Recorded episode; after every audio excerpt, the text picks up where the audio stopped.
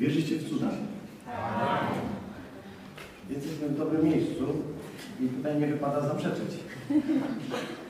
Ale myślę, że każdy z nas y, może doświadczyć niesamowitych rzeczy, które Bóg czyni i dzisiaj jestem bardzo wdzięczny Bogu za to, że możemy się zebrać tutaj na tym miejscu, aby zaświadczyć o Jego cudach.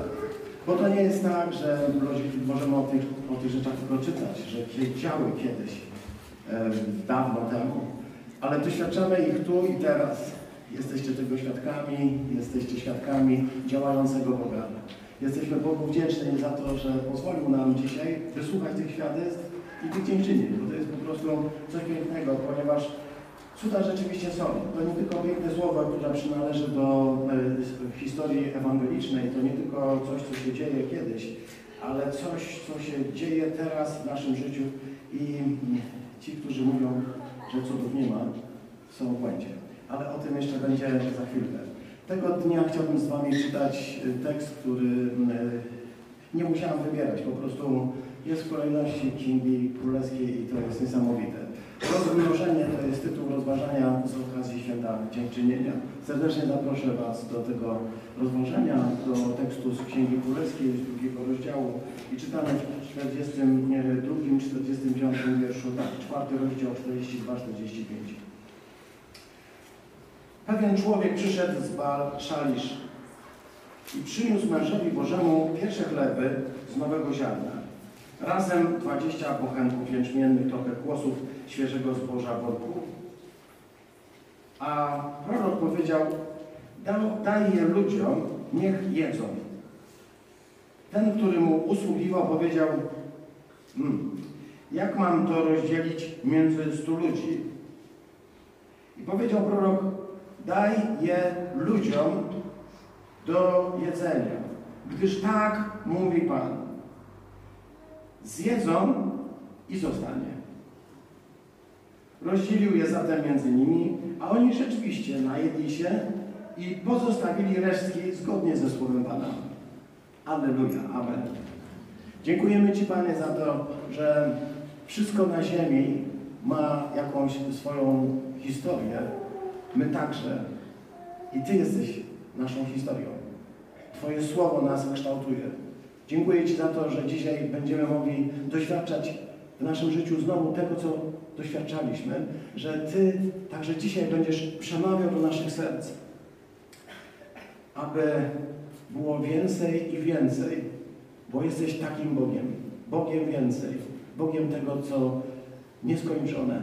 I dzisiaj proszę Ciebie, aby Twój duch dzieło w naszych sercach, byśmy nie byli obojętni, kamienni i bez serca, ale aby nasze serca dzisiaj rozpłynęły się jak wosk przed Tobą, słuchając tego, co Ty robisz dla nas, słuchając Twojego słowa. W imię Chrystusa Jezusa. Amen. Y, jesteśmy w trakcie y, Wielkiego Żydowskiego Święta w kalendarzu liturgii żydowskiej, to święto Sukkot, czyli święto namiotów. Y, to święto rozpoczęło się 2 października, czyli dwa dni temu i trwa do 9. To jest święto jedno z tak zwanych Szaroszegalim, czyli świąt pielgrzymkowych. Takich, które były nakazane w Torze jedno z tych trzech. Pierwszym było święto Paschy, drugim święto Szawuot, czyli Pięćdziesiątnica, święto Sukkot, czyli święto namiotów jest trzecim wielkim świętem. Na to święto pielgrzymuje się do Jerozolimy wiem, że teraz Jerozolima mm, ma ten problem, że no, pielgrzymi nie mogą tam po prostu być, ale jest to wielkie, wielkie piękne święto. Y, I myślę sobie, że wypada nam zawsze tak, ponieważ y, my trochę trzymając się tradycji ewangelickiej, konkretnie luterańskiej, luterskiej, obchodzimy święto dziękczynienia pierwszą niedzielę po świętym Michale i ona zawsze wypada nam mniej więcej wtedy, kiedy święto namiotów, tak dokładnie jesteśmy dzisiaj w trakcie, więc po prostu jakoś też w tym święcie uczestniczymy. Y, w tym razem to dokładnie w tym święcie możemy Sukot i święto dziękczynienia się tutaj łączą i to nie jest przypadek, Bogu nie będą dzięki. Dzisiaj czytamy o żniwach, o pierwocinach, o rzeczach, które są mm, takie mm, y, związane z czymś, co byśmy mogli nazwać dożynkami. Y, czytamy historię bardzo piękną, ale tę historię poprzedza inny tekst, który pozwólcie, y, na który zwrócę uwagę. E, może będzie to taki wtręt, tylko a może też, e, żeby pewną zasadę e, takiej jakby chronologii też e, zostawić. Otóż ciut wcześniej mamy to, ten cud Szuneliki, pamiętacie? A potem jest taka historia opisana w czwartym rozdziale od wiersza 38 do 41, i, i, która zaczyna się od dramatycznych słów, ponieważ y, mowa jest, że Eli- Elizeusz powrócił y, z tego y, z Szunę tak, do Gilgal, a w kraju panował głód. Y, Jak możemy się zorientować z tego tekstu, było to związane z y, przednówkiem, ponieważ święto, które tutaj jest powiedziane, czy okoliczności świadczą o tym, że y, właśnie przygotowano się do zbioru jęczmienia, a zbiór jęczmienia jest na wiosnę w Izraelu. Możemy więc powiedzieć, że to są te takie wczesne dożynki, bo Szabłot też ma taki charakter, Pięćdziesiątnica to też jest przecież właśnie takie święto dziękczynienia za plony. Y, I kiedy nic nie było do jedzenia, uczniowie proroków y, siedzieli, powiedział do nich Elizeusz, wstaw wielki kocioł, o- ugotujcie zupę dla proroków. Bardzo to jest fajny tekst, bardzo by pasował do, dzisiejszej, do dzisiejszego święta. Ugotujcie zupę e, dla, dla wszystkich. No więc co tam było? Poszli, poszli gotowali. E, Kocioł Mariusza. Kocioł Mariusza, to coś takiego. E, jeden z nich poszedł na pole nazbierać różnych rzeczy, które tam byłyby na polu. E, opowiada nam tata, mówię nam, bo mi, Markowi, Ani, że gdy trzy lata spędził na Syberii, to mówił jedną z takich rzeczy charakterystycznych to, że wszelka trawa była jedzona wokół. Wszystko, co tylko dało się zjeść, łącza, trawa, co można było gotować, to zjedli, żeby przeżyć.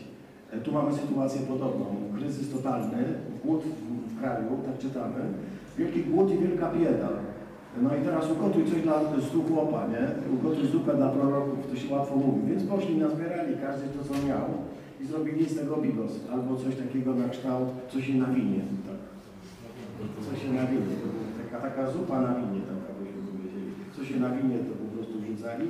Jeden znalazł dzikie pnącza, nazrywał całą garść tych dzikich pnączy, tych owoców dzikich pnączy, poznosił to wszystko, pokroił ślicznie, wrzucił do gara, ugotowało się i wszystko było pięknie, dopóki tego nie posmakowali. Zaczęli jeść, to rozległ się krzyk. Śmierć w kotle, mężu. I teraz na, na tym miejscu chyba powinniśmy się pomodlić o to, żeby Pan Bóg błogosławił dzisiaj nasze jedzenie.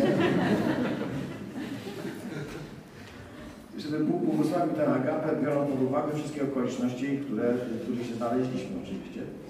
Śmierć w kotle mężu Boży, bardzo mi się podoba, to zdanie. Musiało być tam coś takiego, co powodowało, że jak tylko posmakowali, jak tylko zaczęli jeść, to się coś zaczęło z nimi dziać. Otóż e, sprawdziłem te, te wyrażenia, jak wiecie, bo nie mogłoby mi to dać spać i nie, nie dało spać, jak to powiedzieć. E, Jest taki, takie słowo pakło e, i to jest właściwie arbuz albo ogórek. W każdym bądź razie dyniowate. To jest a propos naszych dzisiejszych wystrojów, dyniowate. I to po prostu wszystko pasuje, bo to jest rzeczywiście, proszę sprawdzić, e, ja niczego tu nie naciągam absolutnie. Jest napisane bylina z rodziny dy- dyniowatych. E, Zresztą, gdybyśmy sięgnęli trochę dalej e, w przeszłość, to byśmy wiedzieli, że ogórki nie wyglądały tak jak dzisiaj nasze ogórki, tylko to były bardzo takie kolczaste. To, ta kolczastość trochę w tych ogórkach pozostała. One były pierwotnie bardzo kolczaste i bardzo gorzkie i bardzo łatwo było się nimi zatruć. Dokładnie tak. Przywieziono je y, z Ameryki Południowej, jak wiemy, w pewnym momencie zaczęły być tutaj dość y, cenne, ale po, to kto dzisiaj myśli o pomidorach, o górkach, o dyni, o arbuzie, jako o takich em, y, warzywach czy o owocach, nie wiem, to, to, to, to tamto, pasuje, wybaczcie, które mogłyby być trujące, ale naprawdę takie były.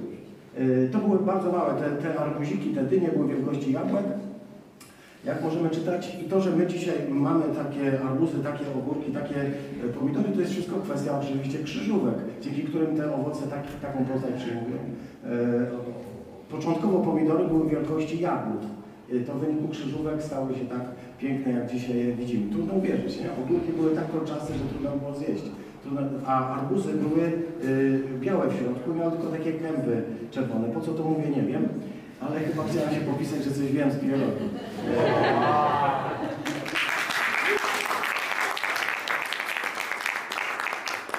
Tak najcenniejsze są klaski Magdy, bo jest magistrem biologii.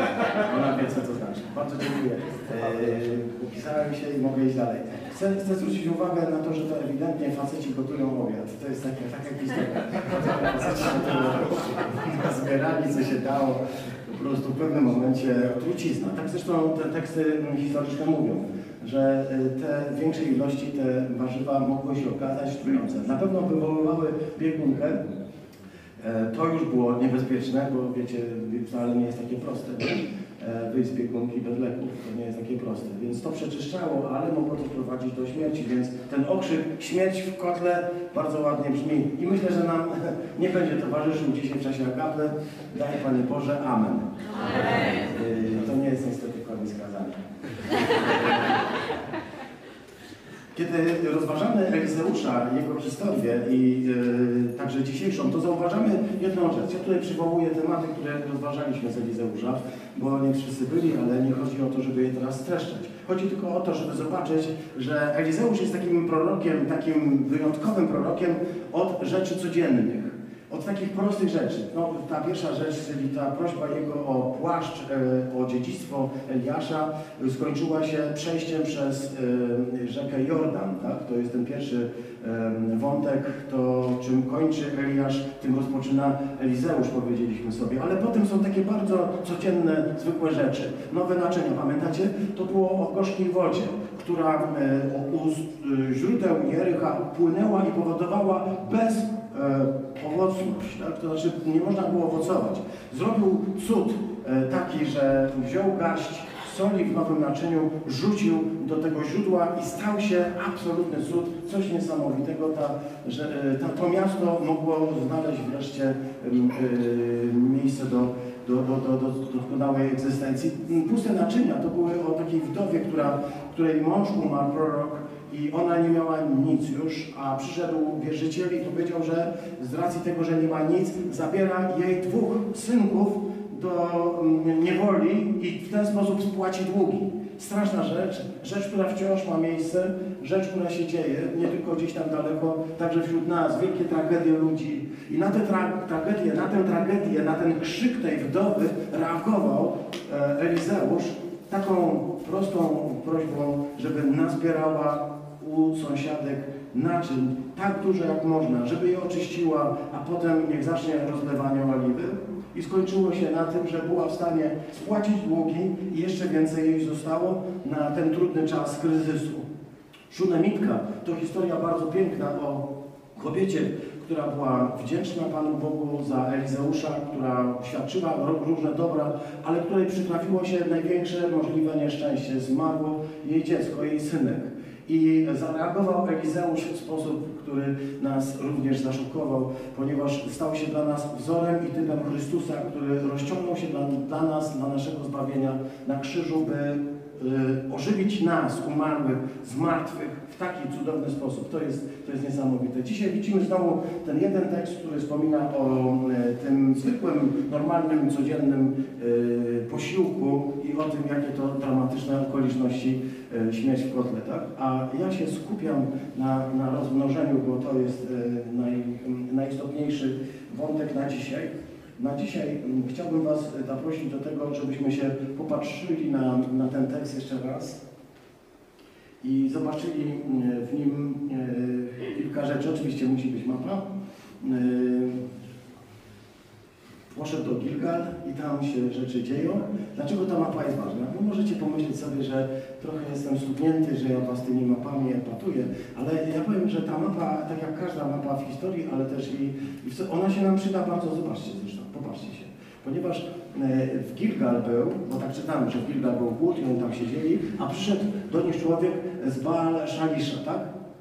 E, Gdy sprawdzałem sobie, ile to jest kilometrów z Baal Szalisza do e, e, Gilgal, to wyszło 30 mil, czyli jakieś 60 kilometrów. Czy jest ktoś, kto dzisiaj musiał przebyć 60 kilometrów, żeby tu być? Były tak ułożone rzeczy, o, było tak, tak, tak ułożone było w, w Izraelu te rzeczy, żeby najdalsza odległość do Lewitów czy do kapłanów, do których chodziło, żeby oddać pierwociny, żeby e, prosić o błogosławieństwo, e, tak było to rozłożone w Izraelu, żeby było co 10 mil. Co 10 mil. Wiecie ile to jest mniej więcej? 18 kilometrów, tak byśmy powiedzieli. Tutaj mam dokładnie tyle z domu do, e, do Fromburga. Co 10 mil, żeby nie było dalej, tak? Tutaj było 30 mil, czyli jakieś 60 km, trzy razy dalej. Ten człowiek pokonał 30 km, 30 mil, 60 km, żeby przynieść coś dla proroka, żeby przynieść mu 20 chlebów i worek, e, ziarna. To pokazuje mi, to jest fantastyczne, bo, może wy tak się patrzycie na mnie, patrzycie, to znaczy, że nie śpicie, to też jest dobre, jeszcze się patrzę. E, patrzycie się i myślicie sobie, wow, no, mapa, ale ja chcę powiedzieć, ta mapa jest absolutnie dowodem na to, że Biblia jest wciąż aktualna, nawet odnośnie tego, że trzeba do zboru nieraz zrobić kilkadziesiąt kilometrów, że to nie jest takie proste. Niektórzy oczywiście mają blisko, ale są tacy, którzy musieli pokonać 10 mm, mil, 20 mil, 30 mil, 60 km. Są tacy, którzy musieli pokonać 90 km, żeby tu być. Są tacy? Żeby móc być tutaj i żeby y, wspólnie razem móc przynieść coś dla proroka.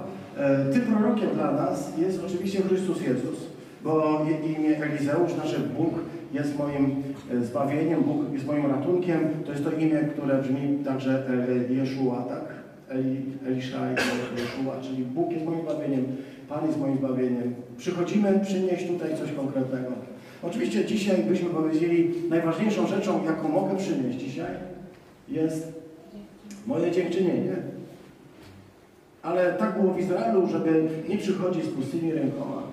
E, to, co on zrobił, ten człowiek, e, ten e, człowiek z Baal Elisza, to Zrobił zgodnie z wymogami prawa. Czytamy w Księdze Liczb w rozdziale 18, dwa wiersze przeczytam, 8 i 13.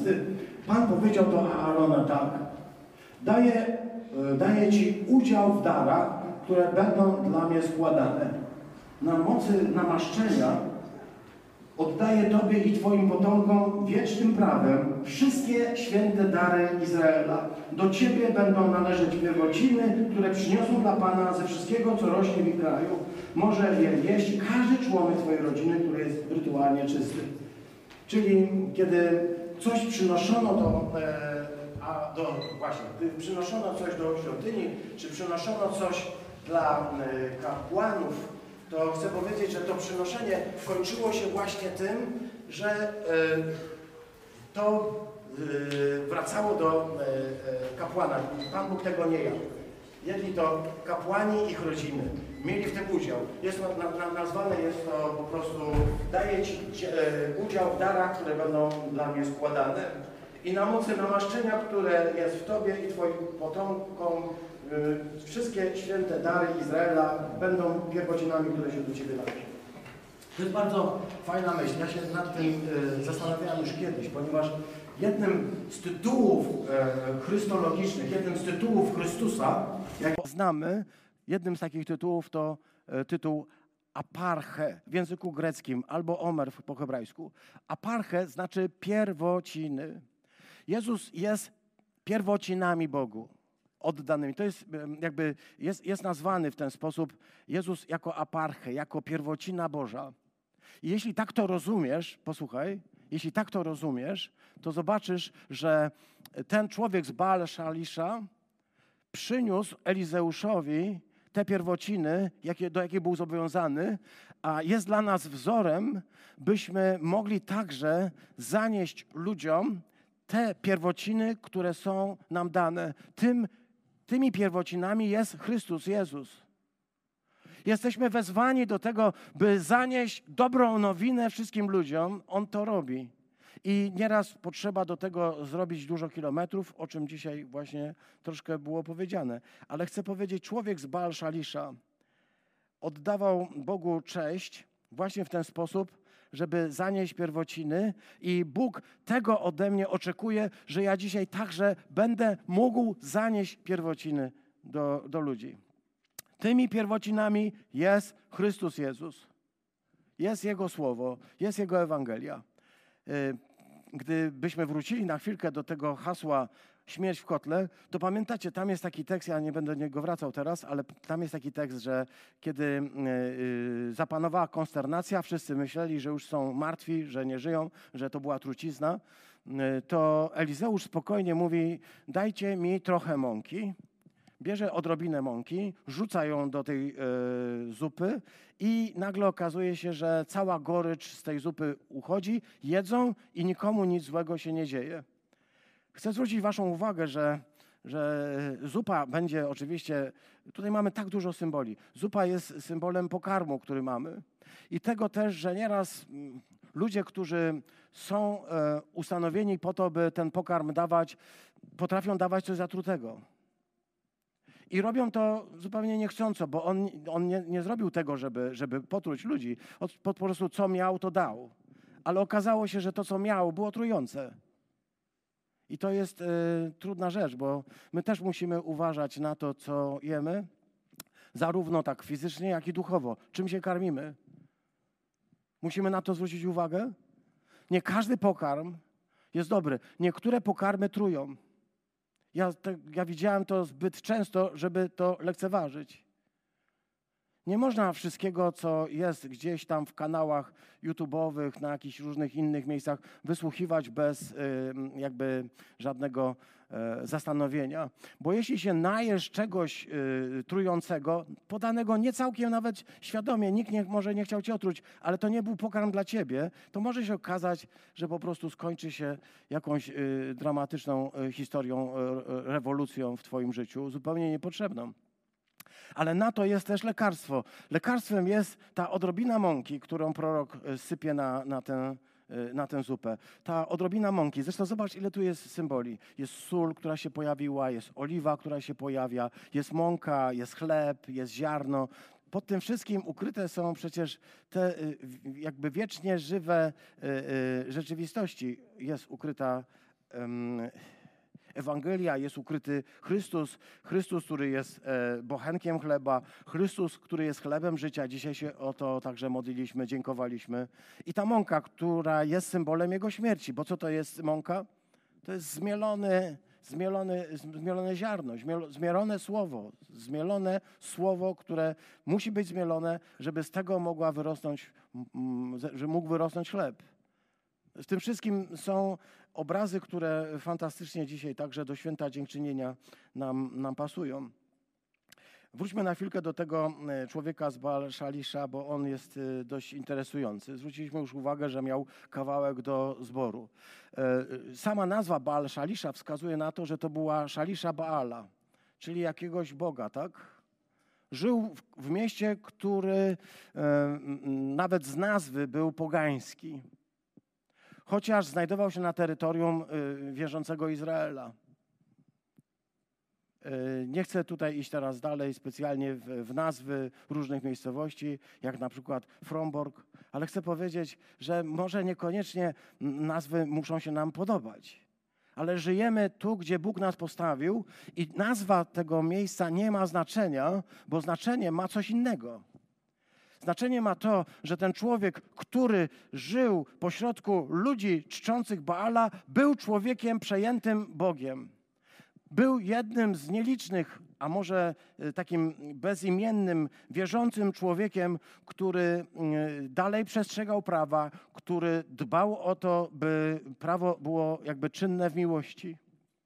I to jest niesamowite i to jest piękne, ponieważ w świecie, w którym jest rozlane tak wiele zła i tak bardzo e, poświęcone różnym bożkom, są takie miejsca i tacy ludzie. I za to dzisiaj także Bogu chcemy podziękować. Za to, że wciąż odkrywamy ludzi bezimiennych, którzy są wierni Panu Bogu, wierni Jego Słowu, ponieważ przykazanie mówiło, że jeśli e, e pierwociny należą się kapłanowi, ale jeśli nie ma kapłanów, tam nie było tylko głodu e, e, chleba, nie było tylko e, głodu jedzenia. Tam był głód kapłanów. On nie był w stanie znaleźć nikogo w obrębie 10 mil, szukał dalej, szukał dalej, znalazł dopiero w obrębie 30 mil.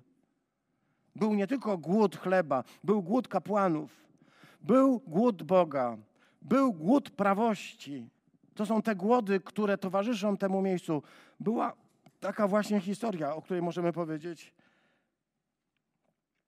A jednocześnie, kiedy jest głód, on musiał się zderzyć z taką rzeczą. Wiesz, jest głód, jest przydnówek. E, udało mu się zebrać trochę zboża. Jest taka, taka pokusa e, że wiesz, udało nam się trochę zarobić, e, udało nam się e, coś otrzymać, pracowaliśmy, uzyskaliśmy coś. Mamy takie wrażenie, że to jest nasze i że możemy sobie zrobić z tym, co chcemy. Czy jest nam, towarzyszy nam taka myśl, że to dzięki Bogu mamy i Bogu w pierwszej kolejności chcemy oddać chwałę. Bo zobacz, są braki, jest, jest problem, jest głód, jest bieda. Czy ten człowiek z Baalisza nie mógłby sobie pomyśleć, e, Baal Szalisza, żeby nie, nie, nie, nie uproszczać, Baal Szalisza, nie mógł sobie pomyśleć, że słuchaj, będę miał więcej ziarna, więcej wysieję, będę, wiesz, są trudne czasy, jest głód. A on bie, bierze to ziarno, y, robi to, co prawo mówi, piecze chleb, bierze worek z ziarnem i szuka człowieka, którego mógłby tymi rzeczami obdarować. Widzisz w tym jakiś obraz dla siebie ważny? Że może nieraz moja, to, że mam niewiele, że y, nie stać mnie na wiele rzeczy, powoduje, że zaczynam myśleć, że ja muszę oszczędzać y, i że nie stać mnie na to, żeby czymś się dzielić. Pojawia się taka myśl, nie dawaj, nie dziel się.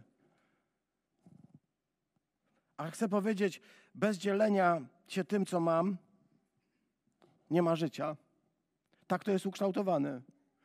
Bóg nie mówi mi, że ja mam to robić, ponieważ jest to yy, yy, jakiś jego krwawy nakaz, że mam niewiele, jeszcze muszę się dzielić. Bóg mówi, że dzięki temu, że ja mogę się dzielić, ktoś może żyć.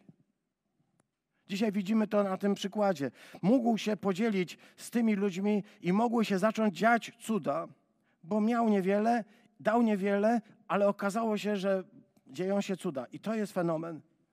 Chciałbym się nad nim jeszcze chwilkę dzisiaj zastanowić, ale tu powiem wyraźnie: oddawanie czci Bogu jest, ważniejsze niż gromadzenie dóbr. Ponieważ Bóg nas nie powołał do tego, żebyśmy byli kolekcjonerami pieniędzy, ale Bóg nas powołał do tego, żebyśmy miłowali braci. I ja chcę, żeby było jasne, że ja oczywiście nie, nie mówię tego po to, żebyśmy, żebyśmy dzisiaj zbierali jakąś kolektę, bo my nie zbieramy kolekty. Taki zbór. Mówię, żebyś pamiętał o tym, że to, co Ci Bóg daje, daje Ci po to, żebyś mógł się tym dzielić z tymi, którzy są potrzebujący, bo wtedy zaczynają się dziać cuda. Moglibyśmy dzisiaj pewnie i ten czas y, świadectw i o taki wątek przedłużyć i o to zapytać. Ale nie przestawajcie służyć świętym, mówi e, list do Hebrajczyków, szósty rozdział. Nie przestawajcie służyć świętym. Mówimy, że zdarzył się cud, bo to jest coś niesamowitego, to jest piękne i musimy się nad tym tak dobrze zastanowić, bo to jest coś niesamowitego. Mm, kiedy żyjesz w społeczeństwie pełnym mm, bałwochwalstwa, y, w którym jest kultura y, śmierci, w którym y, ludzie szydzą sobie z Pana Boga, w którym nie liczy się Ewangelia, w społeczeństwie, które jest zepsute zupełnie, i ty w tym społeczeństwie żyjesz jako małe ziarenko soli, jako ledwie płonący płomyk, ale Bóg właśnie po to cię ustanowił, żebyś tym ziarenkiem soli był i tym płomykiem nie dał się zgasić temu wszystkiemu. Ten człowiek z Baal Shalisha jest przykładem tego, że można tak żyć. Żyć pośród ludzi, którzy nie znają Boga, żyć w ciemności, aby być człowiekiem wiary. Nic nas nie rozgrzesza, kiedy zaczynamy mówić, że wiesz, no wszyscy tak robią, czy wszyscy tak myślą. Jesteśmy ludźmi powołanymi, jak ten człowiek, do tego, by pójść dalej. Ten zepsuty mm, mm, kontekst kultury, yy, społeczeństwo, bałwochwalstwo nie rozgrzesza nas. Nie zawsze mamy wybór, gdzie mieszkamy, ale chcę powiedzieć, ten mężczyzna jest dla mnie wzorem przezwyciężenia e, takiego myślenia w kategoriach nic nie mogę, tak? Mężczyzna przezwyciężył e, zepsucie, w którym funkcjonuje to społeczeństwo, jakby e, dokonuje czegoś odwrotnego, bo e, mała drobina ciast, kwasu całe ciasto zakwasza. Jakby mała drobina dobra zaczyna też mm, zmieniać świat, zaczyna zmieniać środowisko. Mała odrobina dobra. I dzisiaj do tej odrobiny dobra chciałbym, o tę odrobinę dobra chciałbym was prosić, żebyśmy pomyśleli sobie, czy możemy dzisiaj zrobić coś dobrego dla kogoś, kogo nie znam, dla kogoś, kogo spotkam, dla kogoś, kto jest mi może obcy, a może swój, żeby dzisiejszy dzień uczcić w ten sposób, żebym zrobił coś dobrego dla kogoś w sposób taki jak ten człowiek. Nie dlatego, że, że pastor kazał, nie, dla, nie dlatego, że y, musisz, ale dlatego, że z tego dobra zaczynają się dziać fantastyczne rzeczy. Nie wiem, czy się zgodzicie ze mną. Nie wiem, czy mam jeszcze Waszą uwagę, ale chcę Was zapytać, czy to jest prawda, że odrobina dobra zmienia nasze nastawienia? I jesteśmy powołani do tego, żeby ten dobro świadczyć. Jesteśmy powołani do tego, żeby robić dobro. Takie, które nas kosztuje. Nie takie, co nic nie kosztuje, bo, ona musi, bo on musiał iść 60 kilometrów z 20 bochenkami chleba, z workiem ziarna, żeby znaleźć kogoś, komu to chce dać. To jest dobro, które kosztuje. To nie jest coś takiego, że mnie tam, wiesz, nic nie kosztuje. To jest coś, co jakiś wysiłek muszę włożyć. Czy ten człowiek może być dla mnie wzorem? Niesamowity yy, przykład. On tam by zginął nam normalnie, wiesz, byśmy go w ogóle nie zauważyli, ale po prostu tak, tak jest. Mm, Wolfgang Goethe powiedział kiedyś, że cud jest najukochańszym dzieckiem wiary. Jeśli wierzysz, będziesz mógł oglądać cuda. I my dzisiaj świadczymy o tym. Cud jest najukochańszym dzieckiem wiary. Ale podoba mi się jeszcze takie zdanie, które David Ben Gurion, y, ojciec y, współczesnego narodu czy państwa Izraela, to był ten, który y, podpisał deklarację niepodległości jako pierwszy, potem był wieloletnim premierem Izraela, człowiekiem, który zresztą pochodził z Polski. Urodził się tutaj w okresie Królestwa Polskiego, jeszcze w czasach przed I wojną światową. No i wreszcie, aha, to co on powiedział. Kto nie wierzy w cuda, nie jest realistą. Hmm, bardzo mi się podoba. Kto nie wierzy w cuda, nie jest realistą. To mówi premier Izraela. On mówi, że żeby być realistą, trzeba wierzyć w cuda. Ale podoba mi się jeszcze takie zdanie, wynotowałem sobie świętego Augustyna. Ja myślę, że Maciejowi się spodoba. Maciej, to co nazywamy cudem nie jest sprzeczne z naturą. Sprzeczne jest raczej z tym, co my o naturze wiemy, co nam o naturze wiadomo. A więc, kiedy mówimy o cudach, to nie mówimy o tym, że one są sprzeczne z naturą. Mówimy o tym, że my wszystkiego o naturze jeszcze nie wiemy, a tutaj za, zaistniało jakieś prawo natury, które jeszcze nie jest przez nas odkryte, które powoduje, że można brać chleb y, i łamać, i łamać, i łamać, i dzielić, i dzielić, i wciąż starcza, że można lać y, bańkę oliwy do następnych naczyń i ciągle starcza. To nie jest jakiś taki, wiesz, przeciwko naturze. To jest jakieś zjawisko, które jest zgodne z naturą, ale my jeszcze go nie rozpoznaliśmy. I ja myślę, że dla nas wierzących to jest najbardziej naturalne zjawisko, tak jak Ben Gurion powiedział. Bo kto nie wierzy w cuda, nie jest realistą. A my jesteśmy absolutnie realistami. Dobrze. Rozwinęliśmy trochę ten wątek z człowiekiem, który przyszedł z Balszalisza, e, ten, ten wątek, bo on jest bardzo cenny. E, chciałbym, żebyście go mogli zobaczyć, bo wydaje mi się, że, że wart tego, żeby się nad nim troszkę zastanowić. Ale teraz jeszcze druga kwestia, bo e, czas nas trochę goni wziął te 20 bochenków, tak naprawdę bochenek chleba. U nas to poważna sprawa. E, w czasach, o których mówimy, to jest raczej taki nieco grubszy naleśnik. 20 takich naleśników. Wojtek, ile zjesz naleśników na śniadanie? Dziękuję bardzo.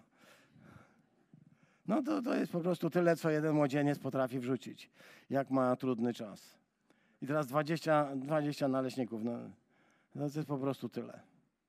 Takich grubszych, nieco grubszych naleśników. No może nie zje 20, tak, ale no zje 15, tak, zje 10. Zresztą to, że on przyniósł 20, a był jeszcze jego sługa Elizeusza, Gehazi, to by im tam na śniadanie starczyło te 20, tak?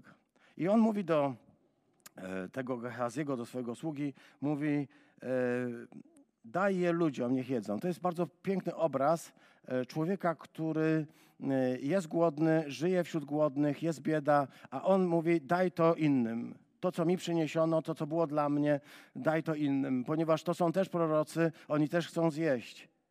No i wtedy pada to pytanie, ale jak mam rozdzielić te 20 chlebów, czyli te 20 plasków między 100 ludzi?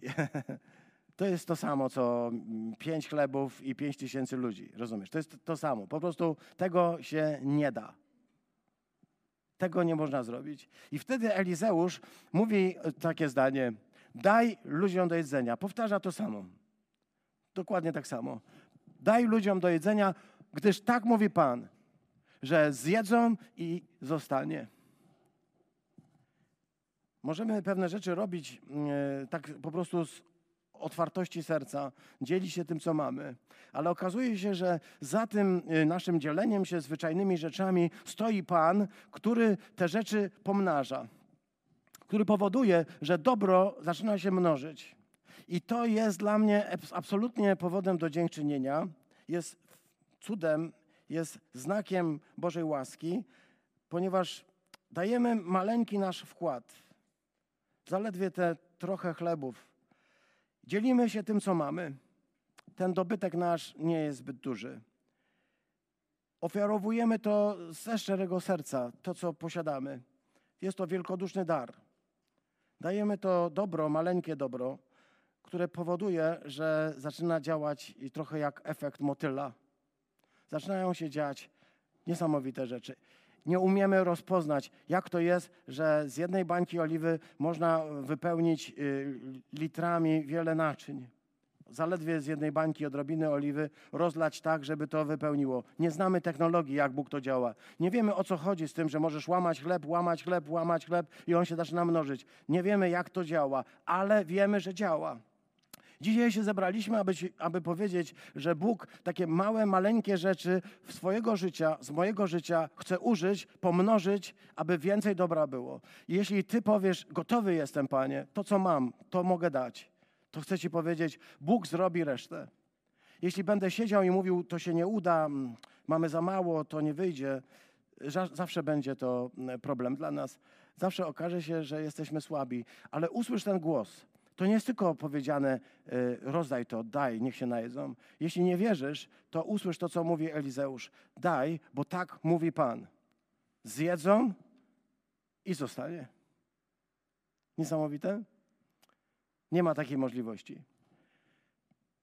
Gdy patrzysz na to w ten sposób, nie ma takiej możliwości. To nic się nie wydarzy. To jest właśnie Twoja perspektywa patrzysz na rzeczy ze swojej perspektywy i widzisz, że to nie może się zdarzyć, że to się nie uda. Powiedz mi logicznie, powiedz mi po ludzku, jak to się może zdarzyć. I ja ci powiem, nie mam pojęcia. Ale u Boga to działa. Jeśli daje mu dwa grosze, to on to rozmnaża. I nie chodzi o to, żeby to była jakaś transakcja. Rzymianie mieli taką zasadę. Ona brzmi po łacinie do ut des. Do ut des i oznacza daję, żebyś mi dał. A więc daję, to jest taki rodzaj e, jakby e, transakcji, który mamy z bogami. E, daję tym bogom po to, żeby oni mi oddali więcej. O, taki rodzaj transakcji. Ja chcę powiedzieć, że ta zasada nie działa w Królestwie Bożym. Nie po to daję, żebym y, mógł otrzymywać więcej. Taki rodzaj transakcji jest dla mnie y, zupełnie nieporozumieniem. To jest naturalny sposób myślenia o Bogu, naturalny sposób myślenia o innych. Ja daję Bogu nie po to, żeby teraz liczyć na to, że On mi, ja dam mu stówę, a On mi po prostu y, da tysiąc złotych, tylko ja dam mu cokolwiek po to, żeby On to mógł pomnożyć i zrobić z tego najlepszy użytek.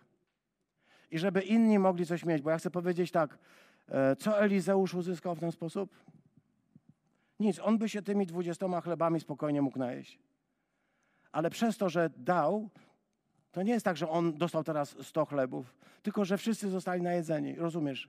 Nie chcę ci powiedzieć po prostu daj coś, a Pan Bóg ci to będzie pomnażał, pomnażał. To jest jakaś logika, ale powiem ci raczej rzymska niż chrześcijańska. Ale możemy o tym porozmawiać kiedyś yy, przy okazji. Do ut des, zasada rzymskich bogów, y, nie działa w Królestwie Bożym w taki sposób, jak my sobie to wyobrażamy. On mówi tutaj, bo tak mówi Pan. Jeśli dasz, będziesz mógł zobaczyć cud. Dzisiaj jest święto dziękczynienia. Dzisiaj dziękujemy Panu Bogu za wszystko, co nam podarował. I dzisiaj chcemy powiedzieć Mu, Panie Boże, chcemy dalej się tego uczyć zobaczyć, że maleńkie rzeczy okazują się fantastycznymi e, zjawiskami. Ja dzięki takim maleńkim rzeczom mam naprawdę dzisiaj na przykład e, troje wnuków. Maleńkie rzeczy maleńki syn, maleńka córka, e, która może tam specy, niespecjalnie pytała o zgodę, w tym sensie, rozumiesz, czy może wyjść za mąż, czy nie może. Pytała. Maleńka miłość, która wybuchła i, i stała się wielkim ogniem. I z tego wszystkiego rodzą się wnuki. Jeden, drugi, trzeci i to jest fantastyczna rzecz. Chcę powiedzieć, że y, jeśli nie masz żadnych innych powodów, to, to usłysz, że ta, tak mówi Pan. Jeśli nie wiesz, czemu masz się dzielić, tak mówi Pan. Dziel się, bo dzięki temu coś się wydarzy cudownego. Rozdzielił je zatem między nimi, a oni rzeczywiście najedli się i pozostawili resztki zgodnie ze Słowem Bożym. Chcemy dzisiaj Panu Bogu podziękować, że tak to działa. Tak działa Jego Ewangelia. Jeśli się nią dzielisz, to mnożysz. Jeśli się nią y, będziesz y, jakby udzielał, będziesz mógł zobaczyć, co, co cudownego się dzieje. Bo bez dzielenia się tym, co mamy, nie ma życia. Nie ma y, rozwoju. Żebyś mógł oglądać cuda, musisz się zgodzić na posłuszeństwo Słowu. A Słowo mówi: dziel się tym, co Bóg ci daje. Dziel się ze swoimi bliskimi. Dziel się sobą, dziel się swoim czasem, dziel się swoją miłością, dziel się tymi dobrami, którymi Bóg ci obdarzył. Zawsze coś masz, co możesz dać. Bo Bóg nikogo z nas nie pozostawił bez żadnych e, rzeczy. Ale gdybyś nie wiedział, czym się możesz dzielić, to jeszcze raz przypominam: aparche pierwociny. Bóg w Twoje serce włożył największy z darów pierwociny Jezusa Chrystusa. To jest to, z czym masz iść do ludzi, żeby się nimi dzielić. Ta mąka, która jest zmielona e, przez e, proces ukrzyżowania i pierwociny, które są początkiem zesłaniem, zesłania Ducha Świętego, bo tak się zaczyna e, właściwie liczyć święto Pięćdziesiątnicy. Od pierwszego omeru, od pierwszych pierwocin, od pierwszego snopa zrzętych, zrzętego jęczmienia. To są rzeczy, które Bóg włożył w Twoje serce. Chrystusa, swojego Ducha, On Ci to dał, byś mógł się tym dzielić. Nie mów, że nie masz co.